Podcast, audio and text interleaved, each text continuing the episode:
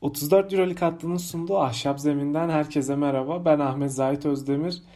Ee, geçen hafta kimlik kontrolünde de Şampiyer'i ele almıştım. Bu hafta tekrardan Ahşap Zemin'e döndüm. Ee, ve Anadolu Efes konuşacağım. Anadolu Efes'i e, genel olarak ele alacağım. Yani ilk 7 maçta ortaya koyduğu performansı değerlendireceğim. Ee, yani sadece geçen hafta performansı üstüne değil geçen haftaki Fenerbahçe Beko analizinin üstüne bir de Anadolu Efes analizi yapıyor olacağım. Ee, baktığımız zaman Efes'i konuşmak için iki farklı tarafı olduğunu söylemek lazım. İlk 4 maçta 3 e, yenilgi alıp bir galibiyet elde eden Efes ki o galibiyeti Alba Berlin'e karşı elde etti. Hani tatmin edici bir tarafı yoktu. Ondan sonra Asvel'e karşı e, oynayamadığı bir maç oldu Covid vakalarından dolayı. Ve orada bir hafta aradan sonra e, bilmiyorum belki o ara mı yaradı 3 maçtır kazanıyor Anadolu Efes. Olympiakos'u ve Panathinaikos'u deplasmanda Maccabi'yi de İstanbul'da yendiler. E, baktığımız zaman Efes şu anda sıralamada ortalarda bulunuyor. Playoff hattının e, sonlarına doğru bir konumu var. Efes neden burada? E, bu sene izleyenleri neden tatmin edemiyor? E, ama istatistiklerde o kadar kötü olmamasının nedeni ne?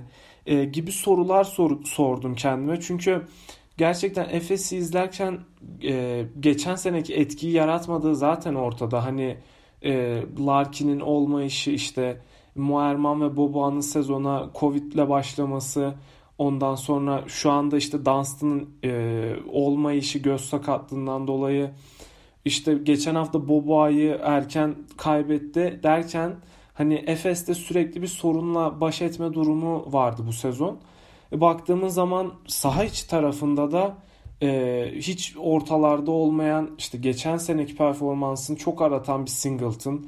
E, Mitz için yaptığı hücum tercihleri bambaşka bir hal aldı. Yani özellikle ilk 6 maç boyunca geçen hafta Panathinaikos maçı bir tarafa ilk 6 maç boyunca izlediğimiz Mitsic bu e, bizi basketbola doyuran Mitsic değildi. E, oyun stilinde e, büyük kayıplar yok e, şey var diyemem tabii ki.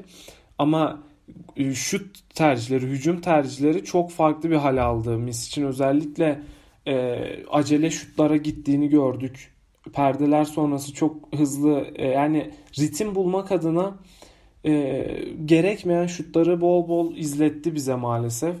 E, baktığımız zaman e, maçlarda da yani Olympiakos maçında öne çıktı. E, işte Alba Berlin maçında asistleriyle çok fazla ön plandaydı. İşte ilk hafta e, rakamlara çok iyi şeyler yansıtsa da hiç oyunda yoktu. Ama Miss için sadece geçen haftaki Panathinaikos maçı e, öne çıktı diyebiliriz. Zaten kariyer rekorunu kırdı orada. Ama ondan önce bize izlettiği e, Vasilya Misic gerçekten o e, taraftar ayağa kaldıran Larkin'in e, işte eküriliğini yaptığı Misic değildi. Ama Larkin dönmeden önce Panathinaikos'a karşı bu performans sergileyebilmiş olması özgüven açısından da önemliydi. Yani o gün zaten Boba, Larkin ve Dunstan olmadığı için, Plyce sakat sakat oynadığı için e, çok kritikti. O yüzden Mitch için bu e, 33 sayılık performansı göstermesi özgüveni anlamında çok değerliydi. E, baktığımız zaman e, top basit top kayıplarını çok aza indirmesi gerekiyor. Basit top kayıplarını indirip bu özgüveni de devam ettirirse Misic geçen seneki haline biraz kavuşabilir. Ee, ama ben kısa rotasyonunda esas hoşuma giden iki oyuncu var tabii ki. Çoğu kişi gibi. Boba ve Simon. Hatta Simon'u bir tık öne koyabilirim. Ee, çünkü e, özellikle ilk maçlarda hiç ortada görünmediğini söylediğimiz Misic'in yerine adeta 36-37 yaşında liderlik etti takıma. E, ki fiziksel olarak da çok zorlandığını söylemek lazım. Zaten işin savunma tarafında geçen seneden daha fazla yorduğunu gördük. Hani yorduğunu derken hani taraftarları ve koçu demek istiyorum. Ee, baktığımız zaman Simon'un adam kaçırmaları olsun, eforundaki düşüş olsun göze çarptı ama hücumda e, takımı taşıdığı için, takıma liderlik ettiği için 14.3 sayı, 3.6 asist ortalamalarıyla e, önemli bir iş ortaya koydu ki reboundlar konusunda da takımın en çok rebound alan ismi Simon. Yani o yüzden e, ben zaten 34 TL'de de söylüyordum. Simon ve Anderson kafa olarak oyunda olan en çok oyunda olan iki isim diye. Tabi bu son 3 haftadır biraz daha artık e, Moerman olsun, Plyce olsun, e, işte geçen haftayla birlikte Misic olsun artık e, oyuncular yavaş yavaş sezonda tempo tutmaya başlıyorlar gibi görünüyor. E, ama sezonun başında işte alınan o yenilgilerde ortaya iyi oyunu koyan belki de en önemli isim de Simon. E, baktığımız zaman Boba'yı konuşmak gerekiyor. O da 11.7 sayıyla oynuyor.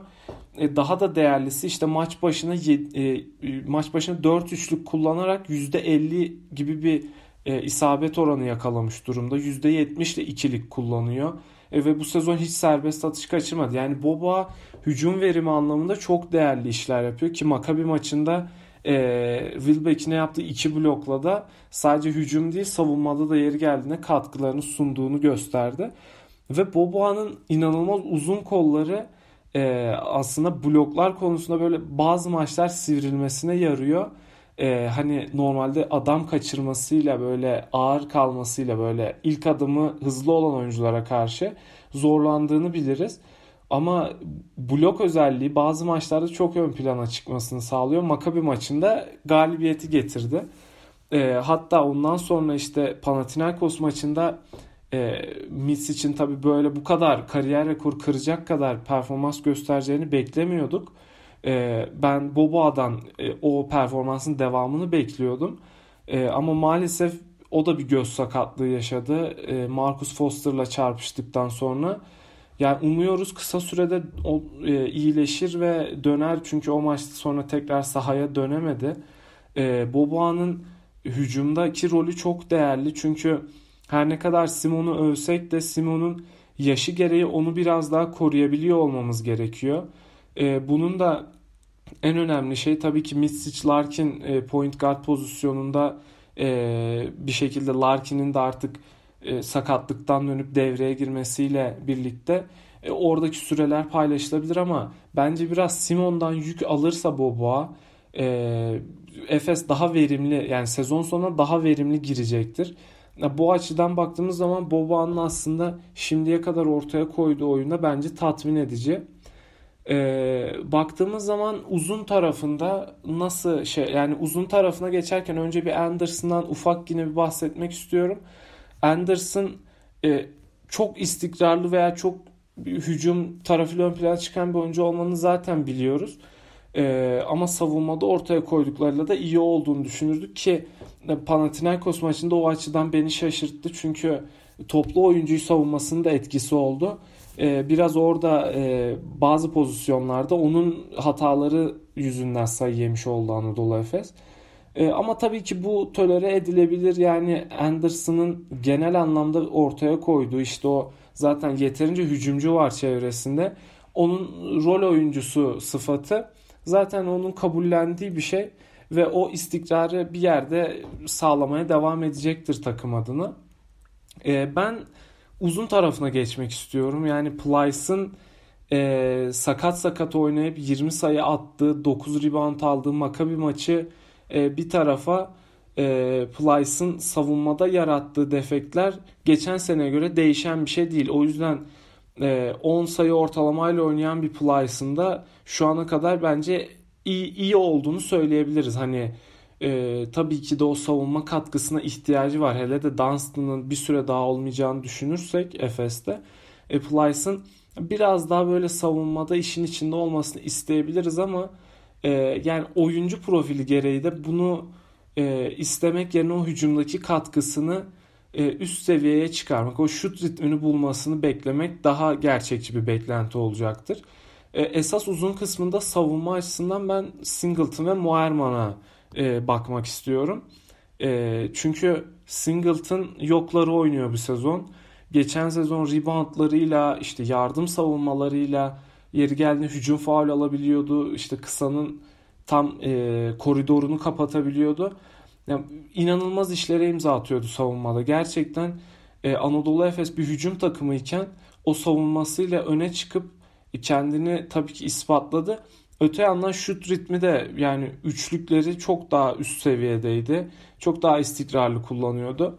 Yani bu sene bir türlü form tutamayan bir isim Singleton. Hani e, çoğu oyuncu hakkında işte bir yerde form tuttu, bir yerde yükseldi diyoruz ama e, olumsuz anlamda istikrarı devam ediyor Singleton'ın. Kötü oyunu maalesef sürüyor. Sadece işte bir Alba Berlin maçında bir kıpırdanır gibi oldu ama o da e, Alba'nın kötü savunmasından dolayı kaynaklanan tek maç bir performanstı maalesef.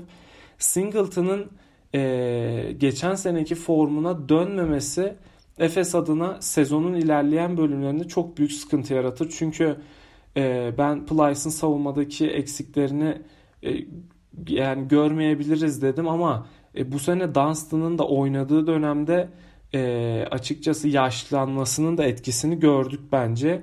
O yüzden hani 4 numaraların orada biraz daha savunma tarafında e, aktif olması gerekiyor diye düşünüyorum. Ki Singleton bu anlamda e, bize ümit veriyor. Yani boş bir ümit de değil. Geçen sene ortaya koyduğu oyun e, oyundan dolayı biz bu ümidi besliyoruz. Ee, bakalım devamında sezonun devamında ne olacak ama Singleton'ın düşen e, rebound katkısı bir yana, e, düşen savunması ve hani o ceza şutlarını hiç atamaması açıkçası şu ana kadar Anadolu Efes adına sorun yaratmış oldu. Yani o da o da işini düzgün yapsa bu son 3 maç Anadolu Efes başa baş değil de belki daha rahat kazanabilirdi. O yüzden Efes adına X faktör olarak görüyorum Singleton'ı. Ee, daha iyi oynaması bir anda Efes'i e, farklı bir takım haline bürüyecektir. Tabii ki Larkin'in e, dönüşüyle birlikte.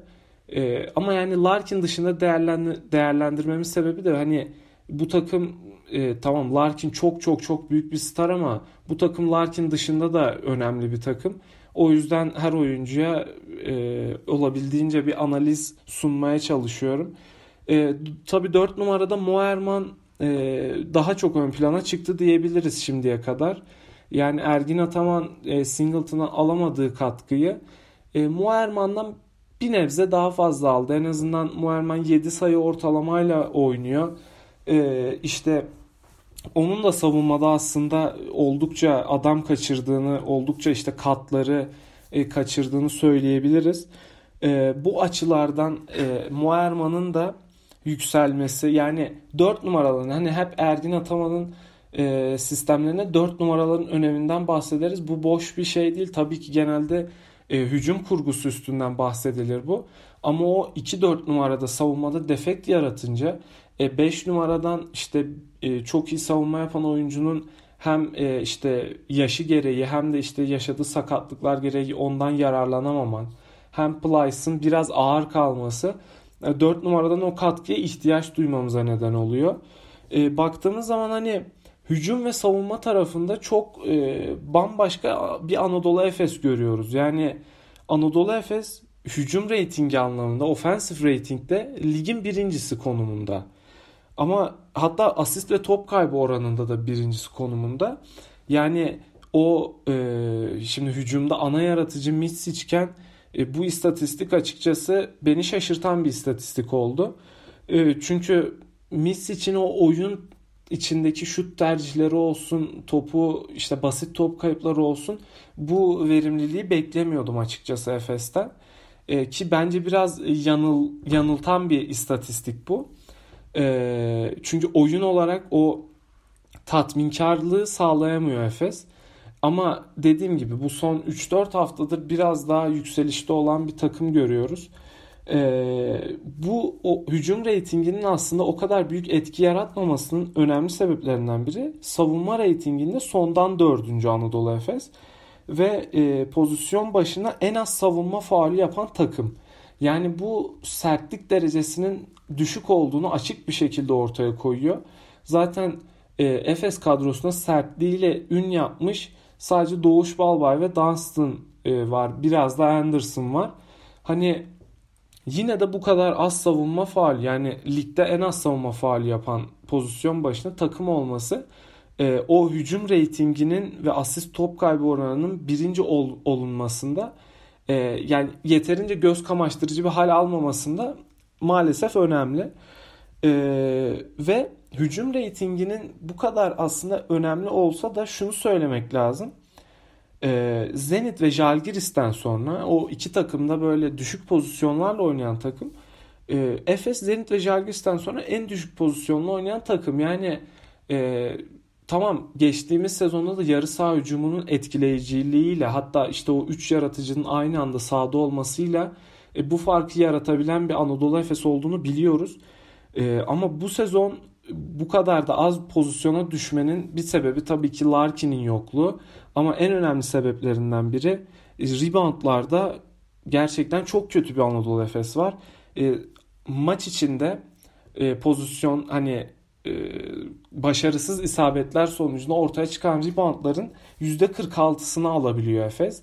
Bu da onları ligde sondan ikinci yapıyor. Yani e, savunmada olduğu gibi reboundlarda da böyle son sıralardalar. Zaten rebound ortalamasında da sondan ikinci Efes.